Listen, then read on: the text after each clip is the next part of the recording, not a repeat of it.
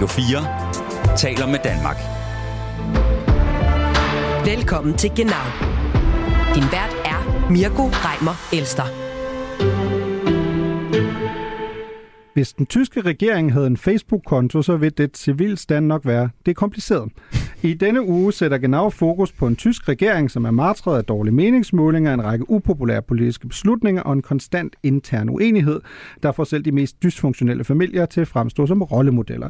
Eller som FDP's formand og finansminister Christian Lindner har formuleret det for nylig.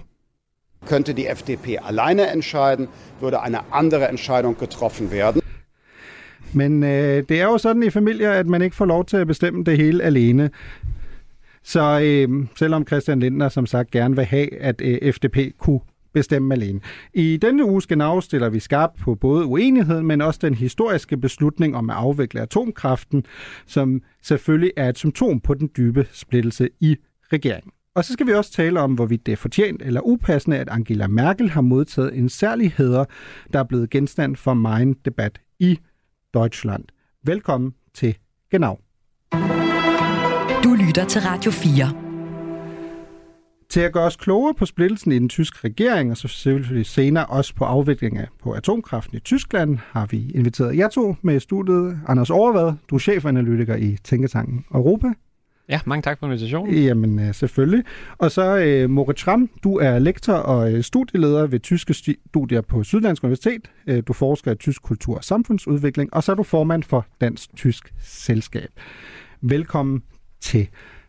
Lad os starte med et meget øh, simpelt spørgsmål. Hvis I skulle beskrive tilstanden i den tyske regering med et ord øh, lige nu, hvordan vil du så beskrive den, Anders?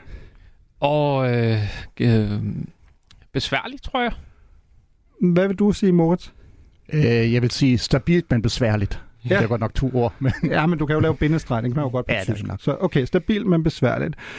Hvis I skulle pege på konkrete emner, uden hvis vi lige tager atomkraften ud, som mm. vi mhm. tager senere i programmet, hvor, hvor er det så især, man ser de her besværligheder? Hvad, hvad siger du over Jamen, øh, særligt på den økonomiske politik har mm. FDP jo altid ønsket en øh, mere stram og økono- øh, stærk økonomisk styring, hvor der ligesom er sammenhæng mellem indgifter og udgifter, og gerne en mindre statsgæld. Det står lidt øh, i skarp til kontrast til de grønne, som mener, at der er et akut behov for investeringer på en lang række områder i Tyskland.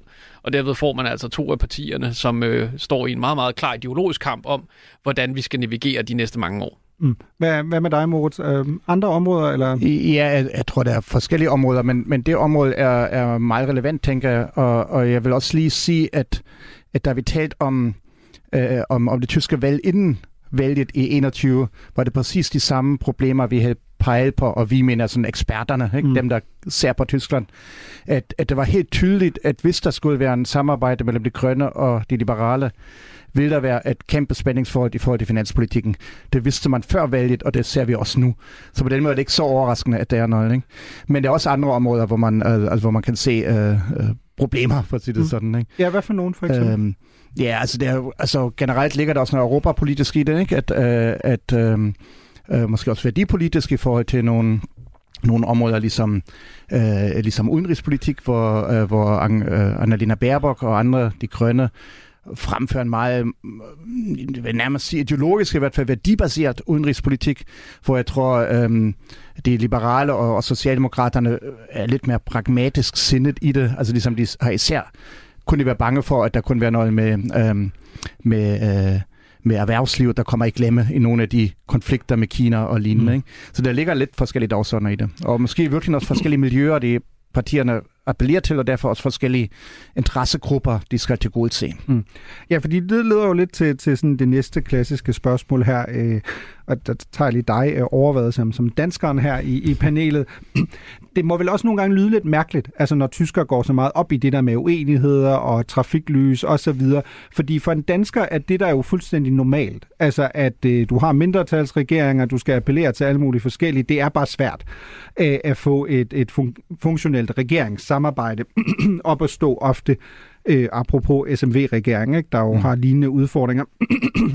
har Tyskland måske bare været lidt forvent, altså i forhold til, at man har været vant til, at det måske i en større europæisk kontekst egentlig altid er kørt relativt snorlige? Det tror jeg er en stor del af det. Men jeg tror også, at vi skal være opmærksom på, at den her regering, som i forvejen havde noget, man var uenighed om, mm. så havde man også med nogle ting, man faktisk var enige om. Der er mm. generelt et syn, hvor man er øh, meget på individets rettigheder. Det ser vi blandt andet inden for LGBTQ, øh, mm. men også senest i form af legalisering af cannabis og sådan noget. Så der var faktisk mm. noget, man godt kunne samarbejde om. Men virkeligheden har jo overhældet den her regering mm. på rigtig mange måder, fordi at den lige siden sin tiltrædelse har været i permanent krisestilstand. Ikke mm. bare internt i Tyskland har invasionen af Ukraine medført store politiske uenigheder. Den medfølgende energikrise har også lagt mm. ekstremt stort pres. Og det er jo ikke kun noget, der presser Tyskland, som står i en unik dårlig position i forhold til mange andre europæiske lande. Det er jo også noget, der får virkelig store indflydelse på europapolitikken. Så man skal både kunne finde ud af at navigere som den her samlende magt i EU, samtidig med, at man dybt internt uenige mm. om, hvordan man skal gøre det i Tyskland. Mm. Og derfor så fremstår de her uenigheder nok også bare større, end jeg tror, mm. vi ville have set i en situation, hvor vi ikke havde været i den her krisesituation. Jeg, jeg synes, man skal huske, jeg er helt enig, men jeg synes, man skal huske, at, at man i Tyskland nærmest har en obsession med stabilitet. Uh, det vil sige, det skal det hele skal ligesom, det, der, skal, der skal ikke være noget usikkerhed i processerne, øh, de politiske processer. Og det man typisk gør, det er, at når, når man har flertalsregeringer, som man har i Tyskland på forbundsplan, det er, at man skaber en koalitionsaftale, som er mm, flere bøger øh, ligesom øh, omfanget, hvor man nællægger, altså ligesom nælskriver næsten hele programmet for de næste fire år, og så går man i gang med at arbejde med det, man har er blevet enige om i forhandlingerne. Og det, som, som, som du lige har sagt her, det er jo rigtigt, at, at det forsøg, som den nuværende regering havde, at skabe sådan et program, hvor man netop var enige om værdipolitikken mm. og tilsvarende sager, øhm, den bliver faldt fra hinanden med det samme, for der kom en krise efter en anden, og det vil sige, at de kunne ikke holde sig til det skript længere, som man egentlig forventer i Tyskland, man har. Og der kommer alle de konflikter til overfladen, som man egentlig regner med, var lagt til side, fordi man havde lavet en aftale omkring, mm. hvordan man går frem. Og lige pludselig er de der, øh, fungerer den aftale ikke længere, man skal genforhandle det hele, øh, og sætter nogle valg, øh, delstatsvalg for nogle partier, FDP, der er virkelig dårlige valg, som mm. fører til, at de begynder at genforhandle punkter, som man egentlig havde været enige om, fordi de skal profilere sig. Mm. Så der, der kommer også nogle eksterne faktorer ind. Ja, Men, og bare nogle debatter, som man ikke havde troet, man skulle tage hold, holdning mm. til. Forsvarspolitikken for eksempel. Ja. Det var jo ikke noget, man havde regnet med, man skulle diskutere om. Ja. Det er jo mm. så blevet virkelig alt overskyggende det sidste år. Ja. Det, det kommer til at give nogle uenigheder, og det skal det også, som vi ser herhjemme. Hvis tre parter de skal være i regering sammen, og også kunne markere sig mm. over for vælgerne, jamen så kan man ikke være enige om alt. Men, men også især igen, hvis der, hvis der er nogle partier i, den, i det samarbejde, i det her tilfælde FDP, de liberale, som virkelig er presset i, i målingerne og i, i nogle resultater i delstatsvalgene, søger de selvfølgelig de områder, hvor de kan profilere sig mod de andre partier. Mm. Og der er det netop forsvarsområdet, som du siger, som dukker op på dagsordenen. Ingen har set det for alvor, og her går de ind med det samme og, og skaber en meget massivt linje, hvor de grønne og liberale forsøger nærmest at udkonkurrere hinanden om, hvem der er mest mm. pro-Ukraine-agtigt osv. Ja. Øhm, og, og, og det skaber nogle dynamikker, som de ikke har set før, og som, de, som måske skal, giver det indtryk af, at der, at der er mere konflikter, end det i virkeligheden måske er. Men, men sådan, Schramm, der er vel også en anden, anden pointe her, altså især sådan, sådan en historikerklub her selvfølgelig, men altså en ting mm. er, at vi har jo ikke prøvet den her konstellation før, at vi faktisk har en trekløver-regering. Altså jo, ja. du kan selvfølgelig teknisk set sige, at når du havde en regering bestående af union, altså CDU, CDSU, er det øh, også den trekløver-regering, hvis de laver en regering, men det er jo ikke mm. det samme, det er jo søsterpartier. Mm. Altså det her er jo tre partier, der diametralt ideologisk ligger i forskellige retninger. Ja. Socialdemokrater, øh, grønne og, og liberale. Mm. Men hvis du kigger på det også med historiske øjne, hvor meget af det her er så øh, groft sagt, som, som overvejet var inde på, en Ukraine-effekt, altså hvor at mm. det er mm. det, der ødelægger hele manuskriptet. Øh, mm. Hvor meget og hvor slemt står det til? Altså, det er jo ikke unormalt, at også tyske øh, regeringer kommer i krise. Altså, apropos SPD blev forladt ikke, af de liberale mm. i, i start 80'erne, gik over til Helmut Kohl og de kristendemokraterne. Altså, hvor slemt står det til? Jeg, jeg tror ikke, det står værre til end forventet, for at sige det sådan. Altså udover mm. på overfladen, som vi lige har talt om. Ikke? Der, der er mange konflikter på overfladen, men, men i, grund, øh, i bund og grund tror jeg, øh, er det sådan, at der er forskellige partier med forskellige miljøer, og de er klar over det. De vidste godt på forhånd, at det vil blive svært. Øh, og det er nogle overensstemmelser mellem partierne, som man ikke skal undervurdere. Altså netop, som, som du var inde på, netop på det øhm, værdipolitiske område, er der, er der en meget, meget stor overlap mellem alle tre partier, som, som binder dem sammen. Det vil sige, at meste økonomiske politik, finanspolitik og så, sådan, ligesom øh, fordelingspolitikken, for at sige det sådan, hvor der ligger nogle, nogle udfordringer. Men det vidste de godt før. Jeg synes historisk set, øh, er det ikke sådan, at de liberale ikke har arbejdet sammen med Socialdemokraterne. De grønne kan principielt arbejde sammen med hvem som helst øh, i en eller anden form. Mm. Det vil sige, det er ikke sådan, at det er umuligt, at de tre partier skal arbejde sammen. Men tre partier indebærer selvfølgelig også en, en intern dynamik i regeringen, som, som kræver, at, at alle føler sig til godset, som er sværere, hvis det kun er to partier. Og der siger man jo også, at Scholz i, i høj grad som kansler er, er den, der ligesom modererer mellem, de, mellem partnerne, hvor han måske selv er ret usynligt, men har mere den rolle som den, der ligesom mm. sørger for, at ingen af de andre to bliver, bliver sådan helt deprimeret i deres samarbejde. ikke? men, øh. men overvad, altså man bliver jo man bliver jo ofte godt betalt, men jo sjældent meget populær på at være parterapeut. Og det er jo lidt det, det lyder som om, at Scholz som Moritz på, det er jo lidt Scholz's opgave her. Ikke? Mm. Det er ham, der sidder for enden, han er kansleren, han skal ligesom prøve at formidle i forhold til sin regering. Det virker jo bare ikke til at gå særlig godt, hvis man bedømmer ham på meningsmålinger. Altså der er en ny meningsmåling, der er fra øh, øh NTV og RTL, der viser, at 51 procent af, af vælgerne mener, at han er fyringssvag. Sådan et klassisk tysk ord, som jo i bund og grund siger, at han, han er ikke en handlekraftig leder, han er ikke en mm. stærk leder. Det er vel en del af problemet her, at Scholz har, i hvert fald i offentlighedens lys, meget, meget svært ved at sætte sig igennem. Øh, ja, det, og det gør det jo også, fordi han har to parter, som gerne vil ud og markere sig, men det er mm. klart, at der var nok mange af de diskussioner, der vil have bedre af at blive taget øh, bag lukkede døre. Mm. Men øh, jeg synes egentlig godt, jeg vil tage Scholz lidt til forsvar, øh, fordi det har heller ikke tænker, været... han siger danke for det. Ja, der, det, jeg synes, igen, jeg synes også, vi skal huske på, hvad det er for nogle øh, kriser, man egentlig har skulle forholde sig til, som også går ret langt ind i den tyske selvforståelse. Mm. Man har været nødt til at op sit forsvarsbudget ret markant. Man har fået øh, kappet en stor del af sin energiforsyning de sidste år. Altså øh, ret mange omforkatninger af Tyskland, der skal ske på kort tid igennem forsvar og grøn omstilling.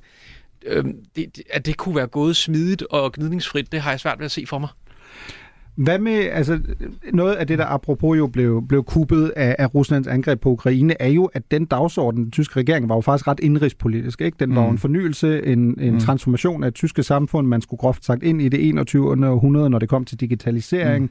Scholz talte meget om respekt mm. øh, over for arbejder. Lønnen skulle op det er vel også mange socialdemokratiske mærkesager, der på mange måder har sådan, de er sådan lidt gået i glemmebogen ikke? i forhold til manuskriptet, samtidig med at sådan kronjuvelen i den udenrigspolitiske arv, som var østpolitikken med brand, den er kommet under meget stærk kritik. Mm. Ikke? Mm. Måske lidt ahistorisk kritik, det kan vi tage mm. en anden gang. Men pointen er jo, at det er vel også svært for socialdemokraterne at markere sig i den her regering. Ja, altså jeg, jeg tænker især problemet er, hvor, hvor jeg også synes, at, at Scholz bliver usynligt i det, det er, at at man på det seneste har fornemmet, at han i sin øh, moderatorrolle mellem, mellem de to andre partier mere og mere har allieret sig med de liberale, for, fordi de er presset, fornemmer man, og så skal man ligesom sørge for, at de ikke øh, ligesom helt går i, i, i det stille hjørne og jammer og skriger.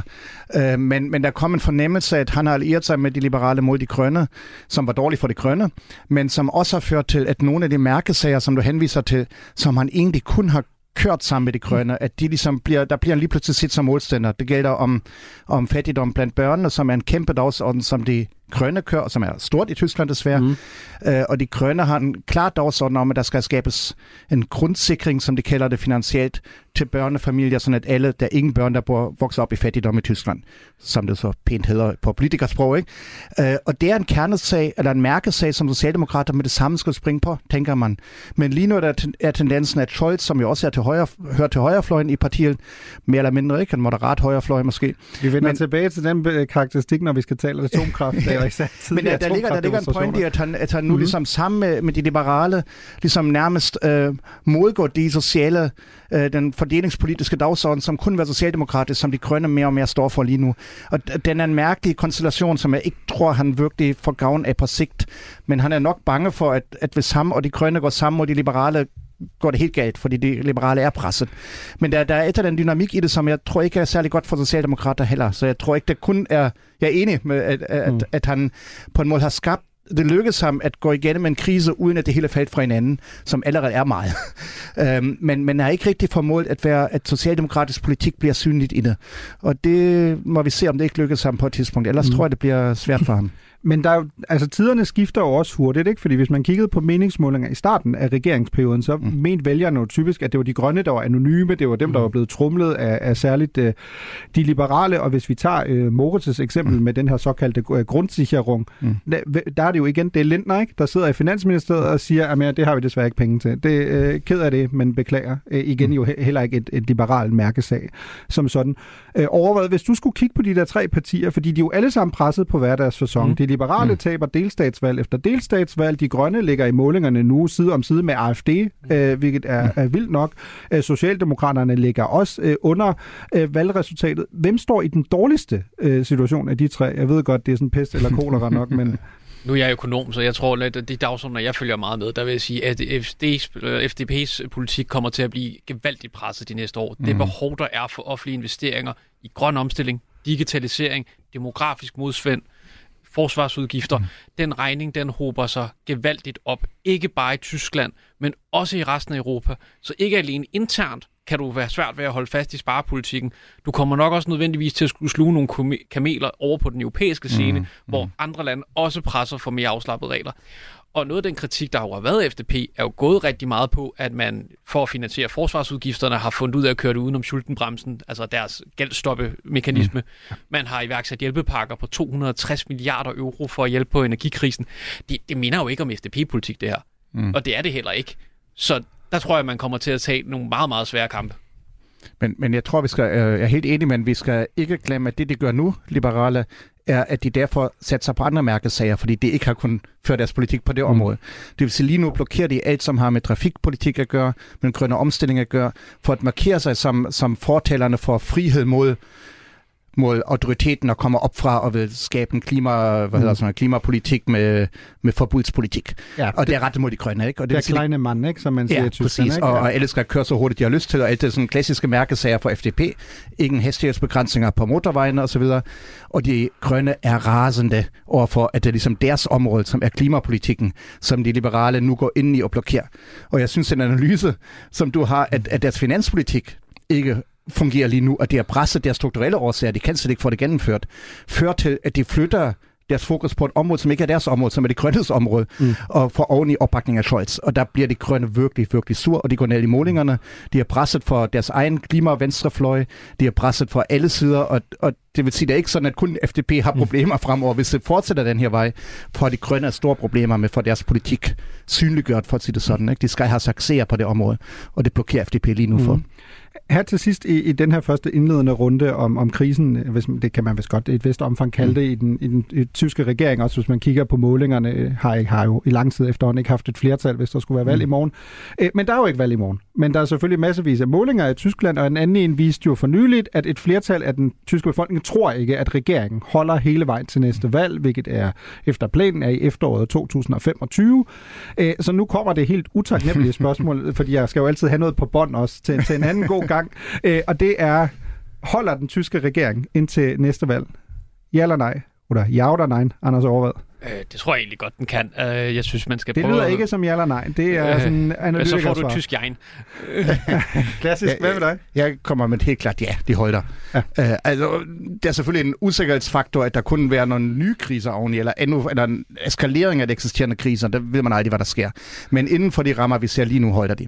Men jeg vil også sige, at jeg, jeg skrev en bog om tysk politik til sidste valg, mm. og der havde jeg en fantastisk sætning i, at socialdemokrater behøver vi ikke tage højde for, fordi de vinder aldrig nogensinde. Det vil sige, min, min prognoser kommer måske ligesom lige øh, nuancere lidt, når man nu ser, at Scholz er kansler i dag, som er socialdemokrat. Ikke? Det vil sige, du skal ikke helt stole på mine prognoser, men, men jeg tror, de holder. Jeg vil godt komme der til undsætning der, øh, Schramm, fordi jeg sagde, jeg var apropos, øh, jeg skal jo ikke øh, pusse min egen glorie her, jeg sagde i optakten til valget i 2021, da vi på TV2 skulle tale om Scholz som kanslerkandidat, så begyndte mm. jeg bare at grine, fordi det var så, det var så absurd en tanke i sommeren 2021, og så proklamerede jeg, at hvis Scholz blev kansler, så vil jeg gå fra Hamburg til München.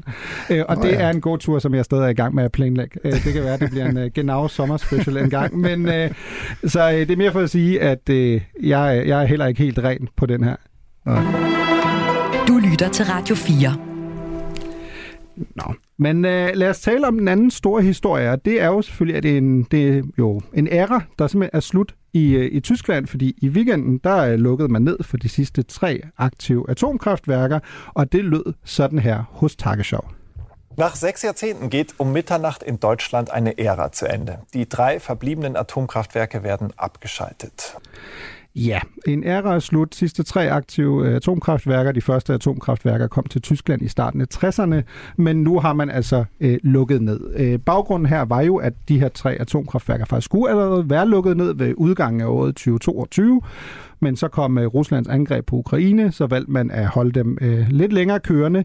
Men vi er jo også tilbage til et emne, vi talte om lige før, at det her har jo også fremprovokeret store uenigheder i øh, regeringen, fordi de liberale, så FDP, har jo advokeret for, at man skulle holde dem på standby, øh, og så man ligesom kunne have dem, øh, måske køre dem op i drift igen, så frem det blev nødvendigt i løbet af de næste to-tre år.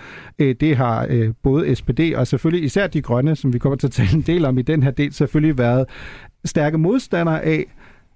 Lad os øh, starte helt øh, konkret. Er det en beslutning, der giver mening at lukke ned for de her atomkraftværker på det her tidspunkt, Anders Overvad? Det vil sige, det kommer meget an på de øjne, der kigger, fordi at øh, grundlæggende så kan jeg godt forstå, hvorfor folk undrer sig midt i en energikrise, hvor at, øh, som vi, øh, vil jeg også gerne lige understrege, nok ikke er helt ude af endnu.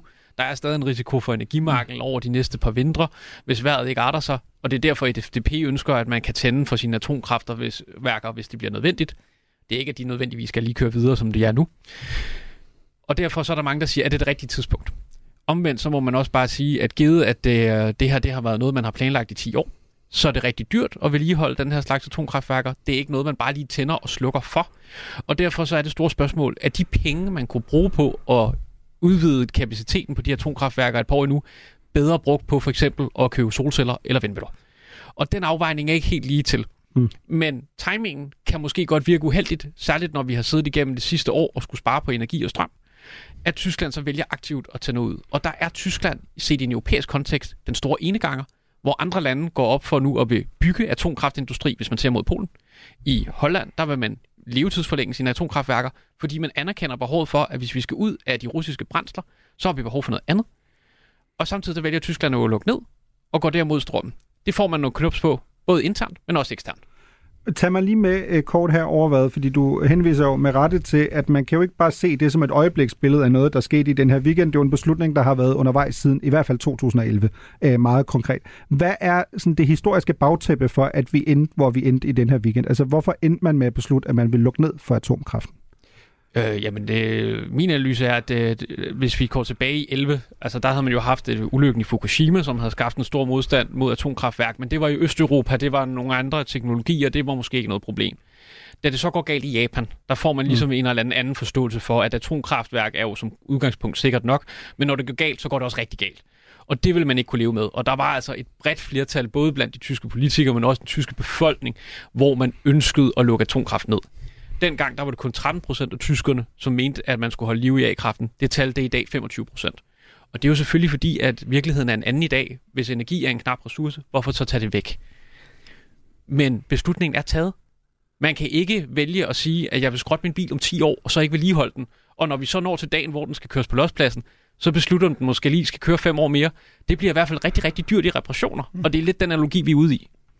Jeg skulle lige så sige, det der skal du ikke sige til en tysker. Han kunne godt, han kunne godt finde på lige at køre den i et halvt år endnu. Men, men Schramm, altså, hvad tænker du i forhold til nu er vi gået 10 år tilbage, men vi skal jo mm. endnu længere tilbage for ja. at forstå, hvorfor det her også altså, medfører de her store diskussioner. Fordi en ting er meningsmålinger, som overvejet inden for, mm. øh, de, de går nogle gange lidt som vindblæser. Ikke? Sker ja. der en atomulykke ja. et sted, så synes befolkningen, at man ikke skal have det. Øh, kommer du ind i en energikrise på grund af et russisk angreb, ja. så, så bliver man sådan lidt atomtilhænger, øh, atomkrafttilhænger alligevel. Hvad er sådan det historiske bagtæppe her? Fordi det trækker jo meget lange tråde også i det tyske samfund. Ja.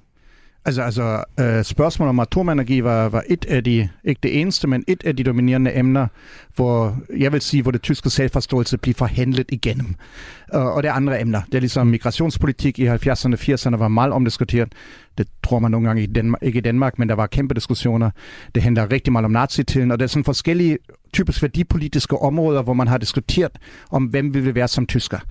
Øh, det er lidt firkantet sagt, ikke? men der, der ligger noget i det. Og, og atompolitik var, var en del af de forhandlinger, nærmest fra starten af. Uh, man skal huske, at Tyskland i mine øjne var, var et meget konservativt land efter 45. Det glemmer man nogle gange i Danmark, at, at de første, jeg vil nærmest sige årtier, uh, var det sådan, at man havde en meget konservativt, måske næsten nationalkonservativ mainstream i Vesttyskland, som kørte helt op til 80'erne og 90'erne.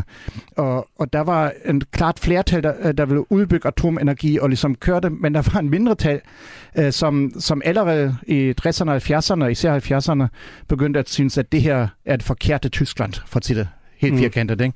Og et af de steder, hvor, hvor vi skal vise, at det tyskerne er forkert, er atomenergi. Vi skal stoppe det her i deres øjne vanvid med atomenergi. Mm. Og det vil sige, at 70'erne var den kæmpe slagsmål og kampe på forskellige fronter omkring atomenergien. Og den handler ikke kun om atomenergien, den handler om, hvem vil være som tysker. Det, det stå, vil jeg helt fast sige. Og, og pointen er så, at den mindretal, som i, i, i 60'erne og 70'erne begynder at lave et opgør, de vokser og vokser og vokser. Og realiteten er det, at de 80'erne og 90'erne begynder at være et flertal i befolkningen. Og det kan de konservative mærke, det kan socialdemokraterne mærke, at der sker simpelthen forandring i samfundet. Og det gælder igen på alle de forskellige områder, jeg har navn. Der sker bare en forandring. Mm. Pointen er så, at da, da, da vi har Schröder og Fischer, Socialdemokrat, de grønne, som overtager regeringsmagten i 98, er det især de grønne står sådan, nu har vi det flertal, og nu lukker vi atomenergien.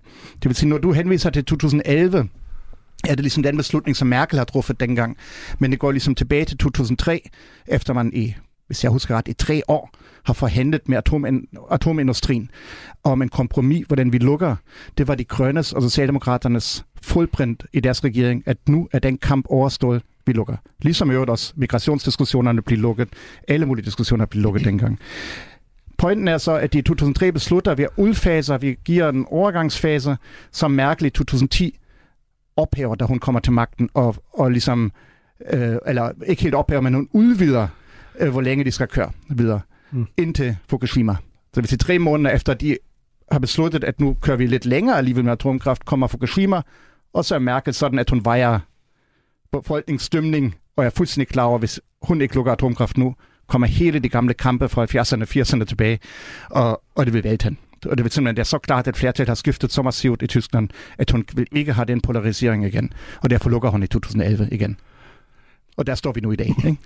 Ja, fordi det er jo, øh, som du siger, meget lange tråde, det trækker. Ikke? Ja. Og det er jo svært øh, at tale om atomkraft, og at de lange tråde, det trækker, uden at tænke på de grønne. Altså som jo i, i høj grad opstår som en, en ja. protestbevægelse i 70'erne og 80'erne, både i forhold til oprustning selvfølgelig under den kolde krig, men jo i høj grad også miljøpolitik, og øh, også selvfølgelig af atompolitik, atomkraft, nej danke, som vi mm. kender det. Hvis man sidder øh, hos de grønne i dag, så må man vel have det ligesom øh, Alfred Jodokos Kvak hedder det. Han hedder åbenbart Rasmus Rup på dansk. Jeg ved simpelthen ikke hvorfor, øh, men vi spiller det altså på tysk. Warum bin ich so fröhlich, so fröhlich, so fröhlich, bin ausgesprochen fröhlich, so fröhlich war ich nie. Ich war schon öfter fröhlich, ganz fröhlich. Ja, sådan en tysk med sådan en dejlig hollandsk øh, accent, i og med at tv-serien oprindeligt øh, kom derfra. Øh, overvejet, det her er vel nu er vi helt op på de høje tænder, men det mm. er vel de, den største politiske sejr, øh, som de grønne har fået på mange måder. Altså nu har de endelig i hvert fald fået lagt startskud på at afvikle atomkraften, fordi jeg tror, vi bliver også nødt til at tale om lige om lidt. Det er jo ikke sådan, at man bare slukker øh, ligesom en computer, og så bum, øh, ud med den. Det er vel den største politiske sejr for dem. Ja, det er det vel på en måde, men øh, jeg tror også mange kritikere påpeger, at øh, timingen, det er jo så ikke noget, de grønne er ansvarlige for. Det er bare død uheldigt for at sige det rent ud. Men, men en af de her beslutninger, eller en af konsekvenserne af det, er jo, at man det sidste år har været nødt til at fyre mere med kul, for eksempel. Så for et parti, der også går rigtig meget op i miljødagsordenen, der kan det her jo også godt ende med at ramme den lidt som en boomerang i virkeligheden. Men jo, det er da en sejr. Det er dybt inde i deres DNA, at det her, det er, at det her det nu er, er forbi. Men jeg tror altså også godt, de grønne har set en lidt anden timing i det. Øh, altså, jeg tænker, den, den sejr har de allerede haft i 2003, for at sige det sådan. Det var der, de, mm. de fastede og sagde, nu har vi en aftale. Ikke? De blev dengang også kritiseret af deres bagland, at de havde for lange afviklingsfrister, ikke? Det, for mange år. Men uanset hvad, var beslutningen talt for mange år siden i Tyskland, mm. uh, som du også siger med det eksempel med bilen, Anders, ikke? At, at den var truffet. Um, jeg tror lige nu var problemet for de grønne snarere, at, den forlænge, altså at de har forlænget den i 3-4 måneder her nu til april, allerede har skabt problemer i deres bagland. Der var mhm. ligesom allerede frustrationer over, hvorfor tre måneder mere. Vi har sagt, den skulle lukkes. Den skulle lukkes nu. Og jeg, jeg fornemmer, at det for de grønne er ingen vej udenom, at det her er lukket, og vi faster, at den er lukket. Det kommer ikke igen. Og, og min, det er jo- min bedste vurdering er jo også, hvis vi taler om politisk uenighed her, at ingen af de andre partier for alvor vil åbne igen. Jeg tror, det er en helt spil for galleriet. Ikke? Det er, en, det er et eller andet... Altså, du køber simpelthen ikke. De liberale insisterer jo, eller de insisterede jo Ja. i sidste time, det er lidt ligesom med forbrænder-motoren, som vi talte om i et Ja. tidligere program, hvor de kom ind i 11. time og sagde, nu skulle man have undtagelser for e-fuels. Men du køber simpelthen ikke, at det handler om, at det er faktisk det, de vil have. Du siger, det er simpelthen for at markere sig udadtil. Ja, de, de vil gerne have vælgerstemmerne for målings, meningsmålinger. Lige nu er, at der er en opbakning til det. De puster til de målinger i øvrigt også. Altså det er ligesom skaber en idé om, vi kunne jo bare lade dem køre, uden at sige de ting, som andre siger, hvor dyrt det egentlig vil være, og alle de problemer, der ligger i det. Men i realiteten tror jeg ikke, der er en eneste seriøs politiker i Tyskland, der for alvor vil åbne atomenergien i morgen igen, hvis det kun øh, det, det er alt for besværligt, det er dyrt, det, det tager 20-30 år at bygge nye atomkraftværk. Øh, det vil skabe en kæmpe polarisering i samfundet, som ingen har interesse i. Jeg tror, det er alt sammen kun valgkampsnak, vi har at gøre med lige nu. Øh, jeg fornemmer, det kan godt være, at jeg tager fejl, men jeg fornemmer ikke, der er en eneste seriøs politiker, mm. der vil tage den åbning igen. Det er, det er udelukkende for at markere sig lige nu, og det gør det til gengæld også rigtig meget. Ikke? Det er rigtig meget for at vise, vi er åben for teknologien, og de grønne er dem, der forbyder vores velstand og hvad vi er. Ikke? Øh, men, men i realiteten er den lukket sag. Det kommer mm. ikke igen. Jeg synes også, det er vigtigt at huske på den debat, der var sidste år, altså både internt i Tyskland, hvor det her jo virkelig var op at vende, kan vi levetidsforlænge vores atomkraftværker, hvor der var, øh, også Scholz var meget, meget vævende, og det var også på grund af et internationalt pres, at resten af Europa stod og siger, lige nu der sidder vi og snakker musketerid inden for energipolitikken i Europa, og vi skal hjælpe hinanden igennem den her vinter, og så gør I ikke selv alt, hvad I overhovedet kan. Altså, der var også et udenlandspres, der gjorde, at man fra Scholz sidste ende var nødt til at bruge en eller anden særlig paragraf, der gør, at man som regeringsleder kan gå ind og ligesom sætte regeringskurs. Og det er ret unormalt, at den bliver taget i brug i Tyskland. Nu havde jeg en øh, rigtig dygtig student, der kunne forklare mig, at det var faktisk helt tilbage til 18 år, at sidste gang den var blevet brugt øhm, i den her kontekst. Så det var jo et kæmpe internt slagsmål, hvor man jo selv i den dybte situation sagde, okay, gennem vinteren, og så skal vi have en anden løsning. Mm. Og nu er vi her jo så på en eller anden måde lidt igen, uden rigtig at være her. Mm. Jeg skal lige have telefonnummer med på den student efterfølgende overvejet, ikke? Og så har vi en ny gæst i genau der, tænker jeg. Men, øh, men problemet er vel sted, altså du er også inde på det, og det er også derfor, jeg gerne vil have dig med her overvejet, altså når du nu sidder i Tænketang Europa og kigger på det mere bredt. Tyskland går vel i en anden retning, altså en øh, Polen eksempelvis, øh, Frankrig, altså og problemet er vel også helt konkret, okay, det er en ting at sige, at nu afvikler vi atomkraften. Øh, Jeg har læst mig frem til, øh, ikke ved hjælp af en dygtig student, men øh, jeg prøvede at læse selv. Og der kunne jeg simpelthen læse mig til, at et af de her atomkraftværker, der er blevet afviklet, ISA 2, øh, Øh, det tager 17 år bare at pille fra hinanden, og så er der alle mulige diskussioner om affald, og hvor skal det hen, øh, og så videre. Så altså, hvad er den tyske energistrategi, hvis man tager den del ud, og hvor vigtigt er atomkraften? Altså, er den bærende for at få dækket Tysklands energibehov, eller er det lidt øh, småting i forhold til, hvor meget det faktisk hjælper tyskerne? Jamen, altså, hvis vi kigger på det på tallene, så er det cirka 6% af Tysklands samlede energibehov, der, der bliver dækket af atomkraft. Det er ikke en uvæsentlig størrelse, men det er godt noget, man kan komme ud af på andre punkter. Øh, den tyske energistrategi var indtil for nylig baseret på, at man skal bruge naturgassen som et overgangsfossil brændsel. Det vil altså ligesom sige, at fordi naturgas kan være lidt billigere at etablere end for eksempel vindmøller og solceller, mm. så kunne man bruge det som en vej ind i den grønne omstilling, fordi at selvom naturgas udleder CO2, så er det væsentligt mindre, end det gør for kul der har man jo så fået nogle meget, meget høje ambitioner inden for klimapolitikken, og jeg mener også, at den tyske klimapolitik er den mest ambitiøse i verden, i hvert fald sidst jeg kiggede, det skifter mm, lidt. Men at mængden af vedvarende energi, tyskerne de står og gør klar til at skulle få ind i deres systemer, er abnorme. Og det er også mm. noget, der skaber store problemer, fordi at infrastrukturinvesteringer er ikke nødvendigvis tyskernes stærke side, sådan historisk. Du har to tyskere, der griner, så jeg tænker, at den er fair nok, at, at du siger det. Men, men der, der, det kommer jo ligesom også frem i diskussionen nu, øh, at, at en del af problemet er netop den manglende investering i infrastruktur, og blandt andet den manglende investering i, i intellekt, øh, intellektuelle, intelligente netværk i elnet, og selvfølgelig udbygning af, øh, det vedvarende energi, som Merkel har sløjfet i 16 år. Det vil sige, at den handler jo ikke bare om atomenergi, den diskussion, handler også om, hvorfor er vi i den situation, vi er, og der er rigtig mange, der peger på, at det, det atomkraft er ikke problemet, det er heller ikke løsning. Problemet er, at vi ikke har udbygget øh, de andre ja. Sager i så mange år, at nu er vi så presset med tiden, og vi skal bygge så meget, at, at ikke rigtig nogen mm. kan se, hvordan det skal kan lade sig gøre. Men for halvandet år siden, der stod man også i en situation, hvor gassen flød frit fra Rusland, Ja. og på det tidspunkt, der får Tyskland lidt over halvdelen af deres gas fra Rusland. En ekstremt stor leverance. Hvis man kigger på de rundetal bare, så er Tysklands eller leverance af olie, kul og gas fra Rusland, det dækkede en fjerdedel af en samlet energibehov. Det er jo massive mængder, der nu skal erstattes, og det gør bare, at hvor vi før havde travlt i den grønne omstilling i Tyskland, ja. så er det kun blevet endnu mere akut, fordi den, man kan godt hente noget LNG-gas ind, og det har man også været rigtig dygtig til for Tyskland at få etableret hav- havne, men det er bare virkelig dyrt at gøre det på den her måde, så tid er bare blevet en meget knap ressource. Ja, og hvor, øh, altså, nu spørger jeg som fuldstændig sådan en, der ikke ved noget som helst om det her. Hvor klimavenligt er det? Altså at skibbe øh, flydende gas hele vejen fra eksempelvis USA? Jamen, øh, det er stadigvæk mere klimavenligt end kul, men det er bestemt ikke lige så klimavenligt som en solcelle eller en vindmølle. Så i forhold Hvad med til... atomkraft? Jamen, atomkraft har jo ikke noget CO2-udledning, men det har så en affaldsproblematik, som Mm. skaber nogle andre problemer. Også hvorfor det tager så lang tid at pille de her atomkraftværker fra hinanden. Det er jo så også det, man diskuterer i Europa lige nu. Er vi klar til at tage de affaldsproblemer med, på, fordi at vi har travlt med at få en CO2-neutral fremtid? Og skal vi i mål med de ambitioner, der ligger både nationalt og overnationalt for EU, jamen så har vi travlt. Men har EU, ikke, øh, lige blive har EU ikke lavet alle mulige øh, krumspring her? Altså i forhold til også at deklarere øh, energikilder som øh, såkaldt grøn energi, som jeg tror, hvis jeg gik ud på DTU, så vil folk sige til mig, ah, jeg ved ikke helt, om jeg vil deklarere det sådan. Altså er det, er det her ikke også, hvis man skal sætte det ind i den tyske debat, at det bliver sådan en form for pyrossejr eller en pagt med djævlen, at nu satser vi midlertidigt på nogle energikilder, fordi vi skal tage opgøret med atomkraften, men det er ikke nødvendigvis, fordi det forurener så meget mindre.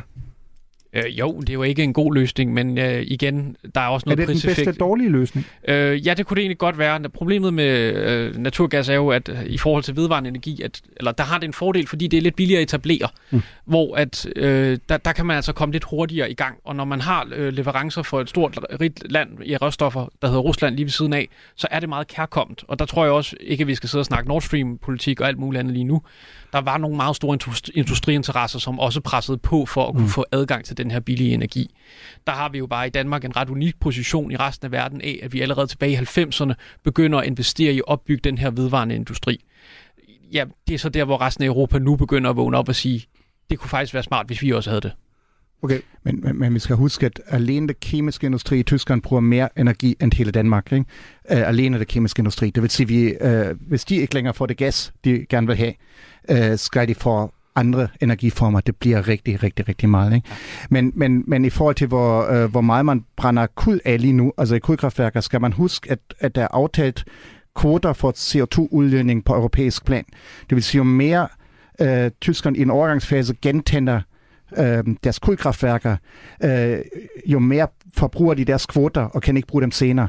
Det vil sige, det er ikke sikkert, at det virkelig gør en forskel på lang sigt, hvor meget man, øh, hvor meget man udleder CO2, fordi det ligesom er begrænset på forhånd, hvor meget man kan bruge. Det er ligesom mere, at man skubber rundt i tiden, hvornår man bruger det. Derfor er det alligevel ulækkert at bruge det, ikke? Men, men det kan være, at det på lang sigt slet ikke er mere skadeligt for miljøet, end hvis man ligesom har brugt de samme kvoter og længere til en anden fase. Så ligesom der, der er nogle mellemregninger, som er, øh, som, som for mig at se mere peger på, at man lige nu er i gang med at finde løsninger for her og nu, som alt sammen er en overgangsløsning, inden man har opbygget så meget vedvarende energi, at det hele kører på de præmisser. Om man så lykkes med det, er en anden sag. Ikke?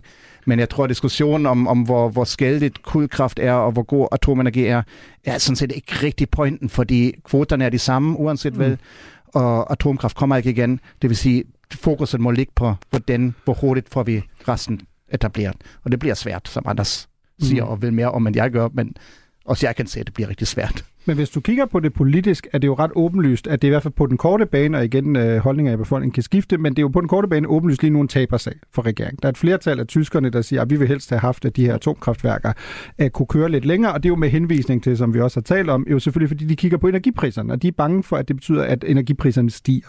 Mm. Spørgsmålet er vel også, det, det, er jo, det er jo sådan et, atomkraft er jo sådan et interessant emne at tage op, fordi det er jo virkelig noget, der får folks pis i kog. Ikke? Øh, fordi mm. der er nogen, der lidt omtaler atomkraft som sådan en form for øh, et, en, en god løsning, som folk bare af politisk korrekte årsager osv. Ikke, ikke, ikke rigtig vil, øh, vil fremme. Men Moritz, hvis du kigger på det sådan, i den tyske kontekst, hvorfor er det atomkraften som sådan, der er så omdiskuteret, sammenlignet med, det kunne være alle mulige andre energiformer, men der er jo et eller andet omkring, Mm. skal vi kalde det en tysk frygt, berøringsangst, øh, i forhold til lige præcis atomkraft som emne?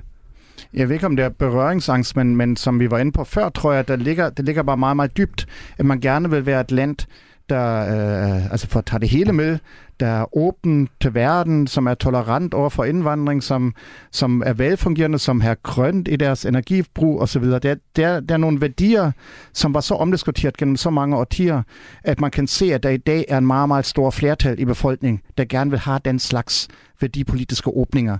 Og der ligger atomkraft bare midt i de konflikter, man føler, man gik den forkerte vej i 50'erne, 60'erne, efter, øh, efter 45, og den vej skal vi stoppe. Mm. Vi skal ikke gå den vej. Det vil sige, at atomenergi er meget symbolsk belagt i Tyskland. Der ligger selvfølgelig også generelt sådan et eller andet apokalyptisk erfaringsdimension i Tyskland. Mm. Man altid er bange for, at det hele eskalerer og eksploderer, og alt går ned ad bakken. Øhm, men, men, men jeg, tror, det, jeg, jeg tror, det psykologisk set er atomkraft en helt afgørende faktor, at, man, at det, det kommer ikke igen. Det bliver alt for polariseret. Og når du siger, at, at den taber sig, for, taber sig for regeringen, skal vi jo egentlig nuancere lidt, fordi det er ikke en taber sig for det grønne, at det bliver lukket nu. Mm. Hvis den var fortsat, altså hvis man blot har udvidet et helt år, øh, vil det grønne eks- eksplodere internt. Ikke? Det, det tror jeg ikke, det kun bærer. Det er så vigtigt for dem, at det bliver lukket. Det vil sige, der er miljøer, som er ret stærke miljøer i Tyskland, der, der simpelthen ikke er parat til kompromiser på det her område. Og det, det tror jeg, man skal ikke undervurdere, at, at hvor dybt det går. Det, det kommer ikke igen. Mm.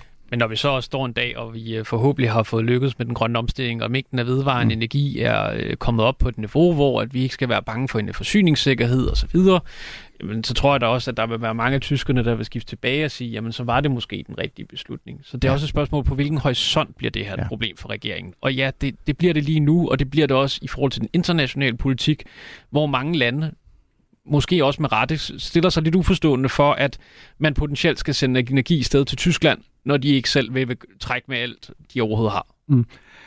Vi er jo tilbage til, apropos den der snak om splittelsen, ikke? fordi du øh, henviser jo rigtigt til, at for de grønne er det næppe en dårlig dag. Det er jo ligesom det, de har arbejdet hen imod. Øh, Olaf Scholz står måske lidt i midten, fordi han igen jo også skal administrere en regering. Mm. Øh, vores ven Christian Lindner, som vi jo også øh, hørte i starten af programmet, øh, han er jo mildest talt øh, ikke begejstret. Lad os prøve at lytte til, hvordan han beskrev den her øh, historiske dag, hvor man afviklede atomkraften. Könnte die FDP alleine entscheiden, würde eine andere Entscheidung getroffen werden.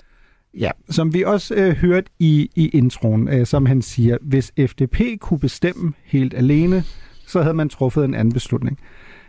Det er jo, altså, der, der er jo mange lag i det der. Øh, et, det er jo en gratis omgang. Øh, fordi øh, der, der er ikke rigtig nogen, der bestemmer alene i, øh, i Tyskland. Øh, det har vi i hvert fald meget få historiske fortælle for, at man er sad alene i regeringen.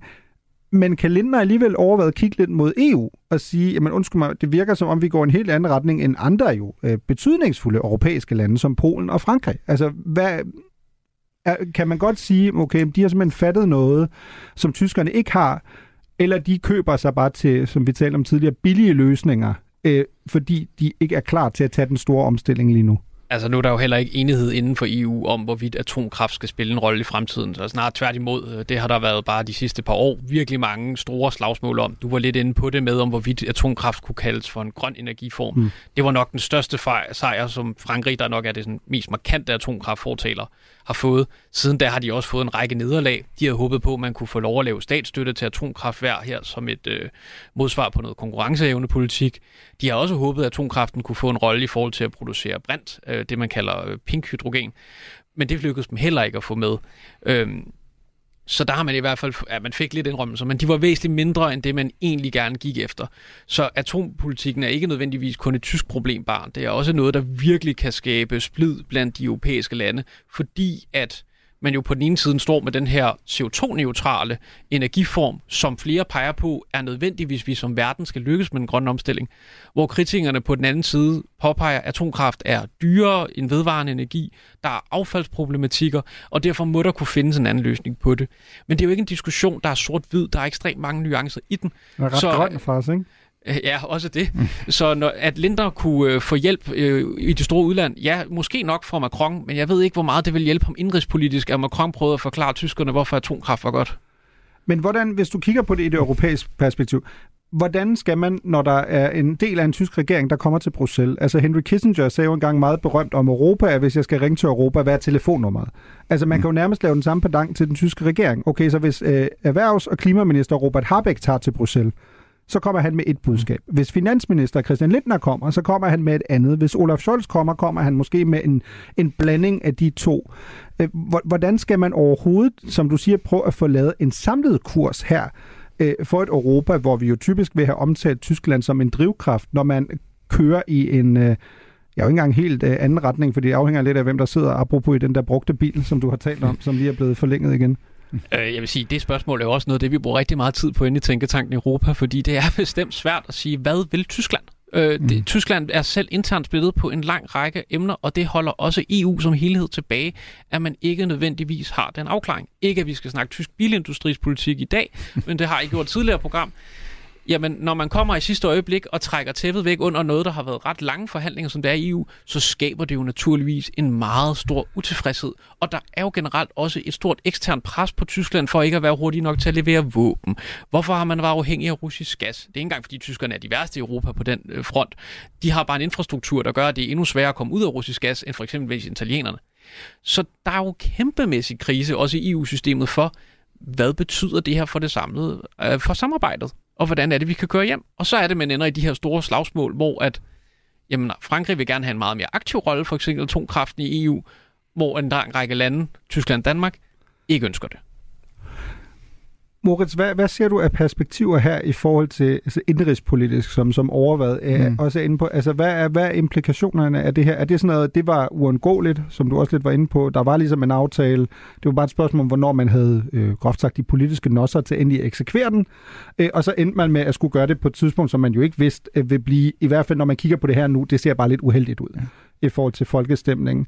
Tror du, at hvis, hvis vi mødtes igen om et år, at så vil det være en helt anden snak. Så vil folk sige, ah okay, nu er vi forbi det punkt her. Jeg, jeg tror, det er et spørgsmål, hvornår præcis vi mødes, fordi det er et spørgsmål, hvilket valg, der lige er på hjørnet i hvilken delstat. Øh, fordi det, som jeg tror, der sker nu, og som, som sker lige nu, og som kommer til at fortsætte de næste måneder, efter min bedste skøn, det er, at folk vil bruge det her emne folk vil sige, politikere vil bruge det emne som mobilisering af deres kernevælgere. Det vil sige, at, at de konservative i opposition og Lindner, de liberale, vil blive ved med at puste til, at hvorfor har I dog lukket vores fantastiske atomkraft? Vi kunne jo bare have fortsat. Øhm, og det vil de ikke gøre, fordi de vil åbne op igen. Der var for nyligt i en fjernsynsdiskussion en af Linders partifælder, som under vis pres i diskussionen sagde, jamen, Lindner mente jo ikke, at vi skal køre dem videre, og de skal heller ikke være helt på reserve. Vi skulle bare ikke nedbygge dem lidt langsommere. Altså ligesom, de, de trækker i land, når det bliver mm. konkret, fordi de selv ikke har interesse i at, at, at holde dem kørende. Det er alt for dyrt. Øhm, det vil sige, realiteten i politikken er, at ingen åbner det igen. Men på det politiske plan vil de alle sammen, ikke alle sammen, opposition og Lindner, vil blive ved og ved og ved i månedsvis at pege på, at vi kunne jo bare have let dem køre. Selvom de godt ved, det er forkert. Men det er det politiske spil. Og de vil køre på det, og de vil forsøge at sparkle sammen med bildavisen til den stemning i befolkningen. Hvorfor har I dog lukket vores fantastiske atomenergi? Men i realiteten er der ingen, der vil åbne den op igen. Okay, lad os... Og lad mig lige sige ja. en sætning mere til det, fordi det er ikke kun dem, der mobiliserer. Harbeck har allerede været ude nu og sagt, at det næste skridt må være, at vi forbyder import af uran fra Rusland til Europa. Mm. Det her er sparker ind i det europæiske felt, som andre kender mere til, end jeg gør, men det sparker os ind til de tyske vælgere. Han vil vise nu, at vi ikke stiller os tilfreds med, at vores atomenergi er lukket. Vi skal lukke russisk import i hele Europa, som er et kæmpe katastrofe for Frankrig, hvis det får gennemført. Ikke? Fordi de får deres uran fra Rusland, ingen tvivl om det. Og, og det vil sige, at der er, der er, der er politisk spil i gang, mobilisering og positionering, men den realiteten bag den politiske beslutning er der ikke nogen, der rører ved. Men de bliver ved og ved og ved med pege på det. Så når vi mødes om et års tid, er det et spørgsmål, hvem mobiliserer lige i hvilken mm. retning på det her spørgsmål, men ingen vil åbne igen. Du lytter til Radio 4. Ja, vi kunne også øh, blive ved og ved og ved, og jeg kunne også se, at du trippede lidt øh, overvejet i forhold til den, den øh, bold, som øh, Schramm jo egentlig lige havde lagt til dig. Men jeg har jo lige en, en lille sidste lækkerbissen, som jeg også vil have med og have jeres øh, holdning til. Og det er jo, at øh, hele den her klimadiskussion trækker jo på mange måder også nogle andre tråde, og det er, at Angela Merkel jo øh, i går, altså mandag, jo har fået tildelt det, man kalder Großkreuz øh, i Tyskland. Det er den øh, største civile øh, hæder, du faktisk kan få, øh, endda i en særlig udmærkning, som før hende, i hvert fald tyske kansler, kun Adenauer og Kohl har fået. Og det har jo været genstand for en meget betændt debat. Øh, der er dem, der mener, at det fortjener hun selvfølgelig efter øh, 16 år som kansler, øh, såkaldt krisekansler med alle de kriser, hun stod med, flygtningekrise, finanskrise, klimakrise osv. Der er også dem, der siger, at det synes, de er helt forkert. For eksempel formanden for det, der hedder CDU's grundkommission, som er en tysk konservativ historiker, der hedder Andreas Røder, han har sagt, at det kan han overhovedet ikke forstå, fordi han mener, at Merkels Ruslands politik har været den største udenrigspolitiske fejl, som Tyskland har begået siden 1900 1945.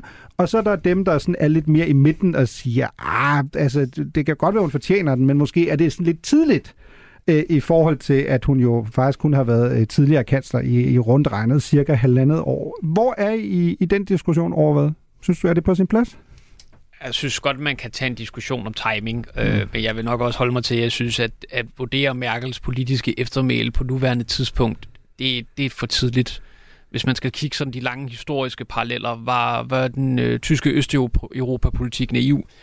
Ja, det, det var den nok på nogle måder, men omvendt har det også været ekstremt vigtigt for øh, EU's øh, samarbejde og stabilitet at få de her østeuropæiske lande tættere på. Det er jo faktisk et, et spor, vi ser accelerere i øjeblikket nu med Ukraine, øh, som man jo også gerne vil gøre til medlem på sigt.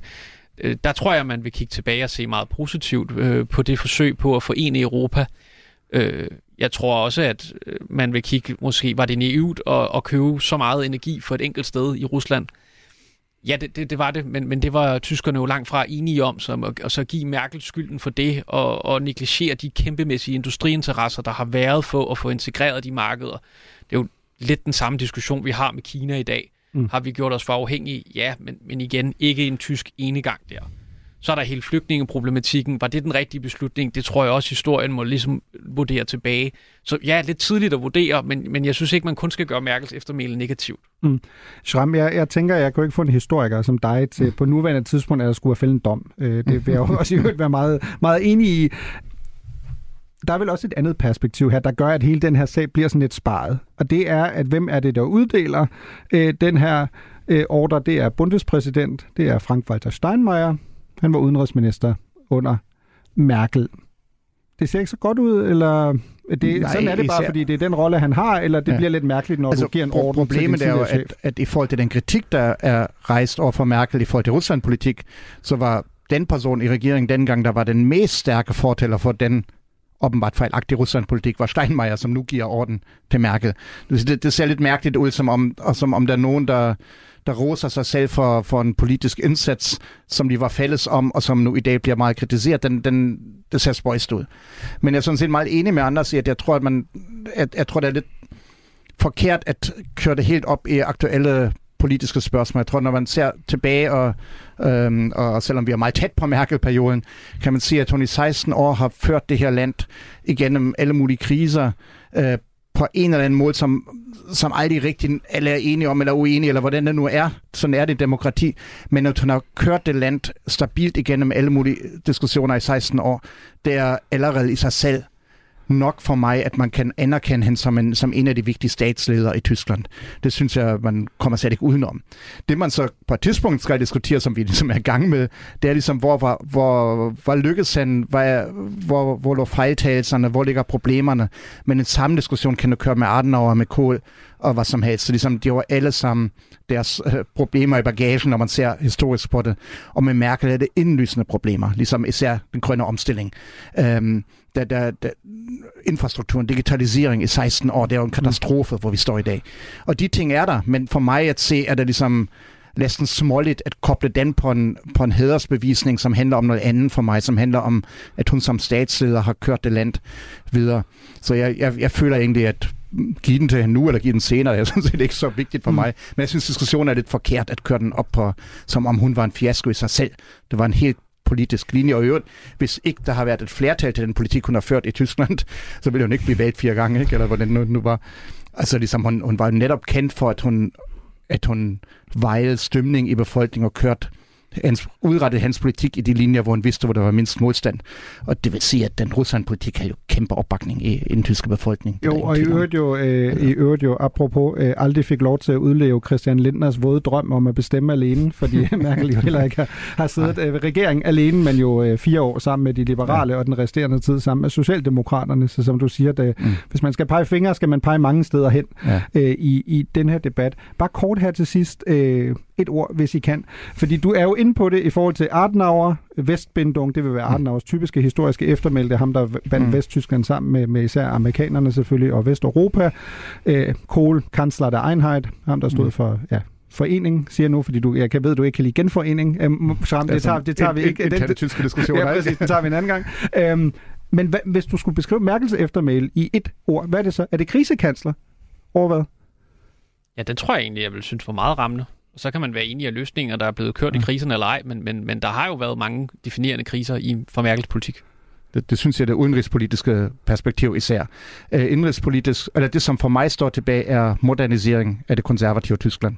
Det tror jeg været det, hvor historikerne vil se tilbage og sige, at hans rolle var, at hun har flyttet et støvgammelt konservativt parti, som var uletrit med vælgerne, ind i det politiske midte. Hun har moderniseret det parti med alle omkostninger, med smidt højrefløjen ud af partiet, der den er AFD og en lang historie. Mm. Øh, men, øh, men den modernisering har været afgørende vigtigt for Tyskland, og det vil stå tilbage som eftermæle, at hun sammen med Ursula von der Leyen og andre øvrigt har, har kørt en moderniseringskurs af det konservative miljø i Tyskland, og den var vigtigt for Tyskland. Det vil stå tilbage. Du lytter til Genau på Radio 4. Det var alt, hvad vi havde til jer i den uge. Tak til gæsterne og tak til redaktion. Jeg tør ikke love, at Genaus levetid kommer til at vare lige så længe som de tyske atomkraftværker. Til gengæld vil Genau til enhver tid slå et slag for kernkraft, så længe det er Zombie Nation, der står bag. Auf Wiederhören.